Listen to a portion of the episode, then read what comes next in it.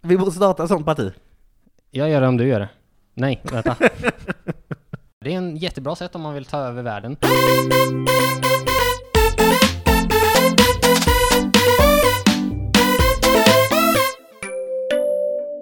Då är vi tillbaka Välkomna! till Guldheden och Jossans kök. Och eh, vår podcast, Hur blev en vald? Hur blev han vald? Det är frågan och det är det vi ska prata om. Vem ska vi börja med? Jag har hört att du har hittat en, ett helgon, en kejsare, en romare. En eh, romersk, eller tysk-romersk kejsare, tillika helgon. Finns det många sådana? Eh, inte tysk-romerska kejsare tillika helgon. Däremot så finns det ganska många eh, med namnet Henry den andra. Du har höra. Topp tre. Topp tre Henry den andra är på första plats Henry den andra av England på 1100-talet. Eh, på andra plats Henry den andra av Frankrike. Är detta Henrisar man ska känna till? Jag tror att Henry den andra av England är ganska välkänd. Okej, Jag är inte säker, men när jag googlade på Wikipedia fick jag jättemånga artiklar om honom. fair enough. Då finns han säkert. Han finns säkert. Eh, på tredje plats, då kommer han jag ska prata om, Sankta Henrik den andra. Eh, en honorable mention till eh, Sankt Henry den andras pappa, som också hette Henry den andra. Men för att vi vi ska prata om Henry den andre junior av det tysk-romerska riket. Yes, precis. Absolut. Ja, och eh, framförallt så ska vi prata om hur, varför blev han vald till helgon? Och eh, anledningen till att han var vald för helgon har att göra med vad han gjorde som kejsare. Rimligt ändå om en ro- eh, tysk-romersk kejsare blev helgon att ha någonting med hans regeringsperiod att göra. Ja, det, det hade nog varit konstigare om det inte var så. Eh, så det är ju skönt. Det är mycket lättare att få reda på vad han gjorde som kejsare än vad han gjorde innan. Absolut, men jag inbillar mig att du faktiskt har koll på det också. Ja, till slut. Det var en himla massa Henrys att försöka hålla reda på när man försökte eh, få fram information om det här. Det var inte bara det att hans pappa hette Henry, utan hans farfar hette Henry den första och hans gammelfarfar hette också Henry den första. Och hans bror hette också Henry den första och han själv hette en gång Henry den fjärde. Okej, men vi kommer kalla om Henry andre och vi kommer inte prata om någon annan Henry. Japp, jag tänkte bara få alla Henrysar ur världen och min eh, frustration. Noterat. Det han gjorde under sin eh, kejsartid var att han ökade biskoparnas makt och det brukar göra Vatikanen glad. Så biskoparna fick ta över massa eh, områden och städer och eh, Så typ Rom, inte Rom kanske, Bologna bl- styrdes av en, tjej, av en biskop. kanske eh, till exempel, jag, Ah, ja. jag vet inte riktigt vart om Bologna var en del av det tysk-romerska riket. Inte jag heller. Nej. Bär, Bern, Zürich, jag vet inte. Ja, lite ställen i alla fall. Absolut. Mer ställen än innan framförallt. Och den andra grejen han gjorde var att eh, se till att d- de här biskoparna, de har ju avlagt kyskhetslöfte. Och de följde det förstår jag. Eh, Som de alltid gjort, alltid kommer göra. Precis, de följde det ungefär precis som de alltid har gjort och som all- de alltid kommer göra. Ja. Eh, och eh, det han gjorde var att se till att de var, blev bättre på att följa det här så som de alltid hade gjort och alltid kommer Och göra. han blev populär av detta. Alltså Vatikanen tycker ju om det och utåt sett så ser det ju bra. Alltså så här, biskoparna kan inte vara emot att någon ser till att de faktiskt gör det som de tycker är är, sant. bra att göra. Okej, och så länge det finns bara barnhem i stan så kanske det är okej. Precis. Och, men så här, även om man faktiskt tycker att det här med kyskhetslöfte är väldigt viktigt och bra Absolut. så skulle man kunna ifrågasätta hans val som helgon, tycker jag ändå. Framförallt så här, om, om man kombinerar de här två grejerna som han gjorde, plus att Vatikanen gillade honom så mycket att han fick lov att bestämma vem som skulle bli biskop. Det är väl ändå ganska rimligt att den, eh, att kejsaren gör. Kanske i samråd med påven, men Kanske. Eh, Men det blev i alla fall så att hans eh, kompisar hade en tendens att bli biskopar. ja, jag, jag känner igen liknande beteende, har hänt förr i världshistorien. Absolut. Och eh, det, är en, det, ja, så här, det är en jättebra sätt om man vill ta över världen. Det är också väldigt långsiktigt. Liksom så här, om biskoparna dör så får man välja en ny. Man behöver inte bry sig om några arvingar. Som i fallet med eh, adeln. Men hur många kan ha hunnit avsätta? Jag tänker att mm, ungefär hälften av biskoparna måste ha dött under hans regeringstid, kanske.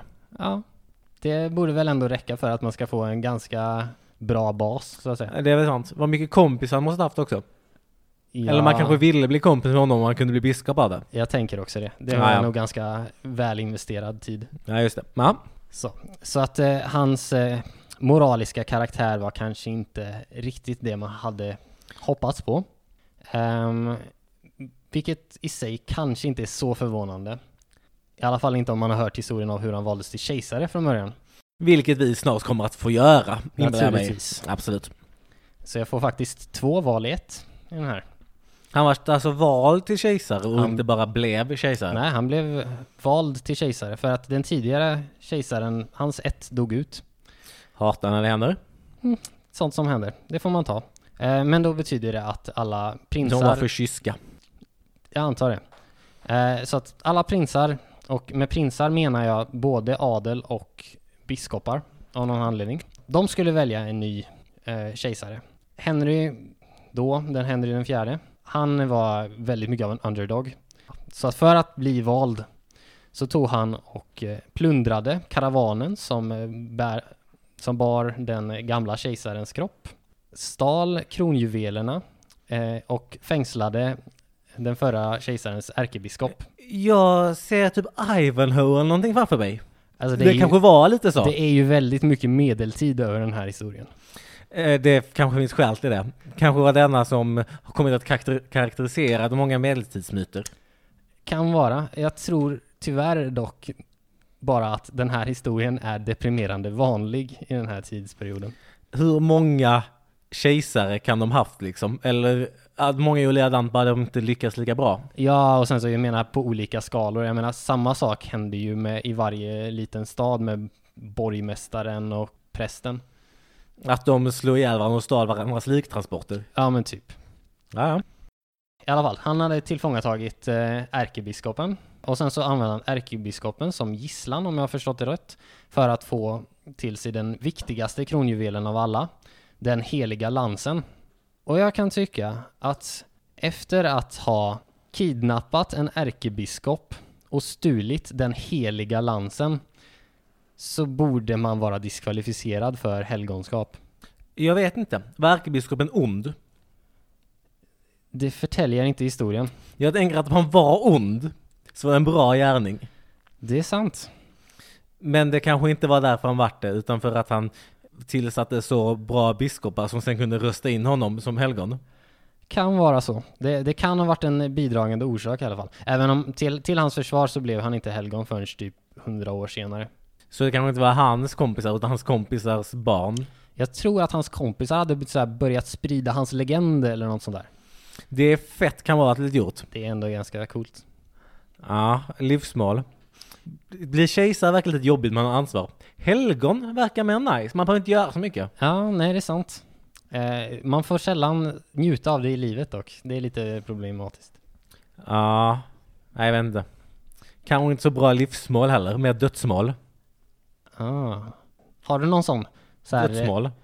vad, vad kan det heta?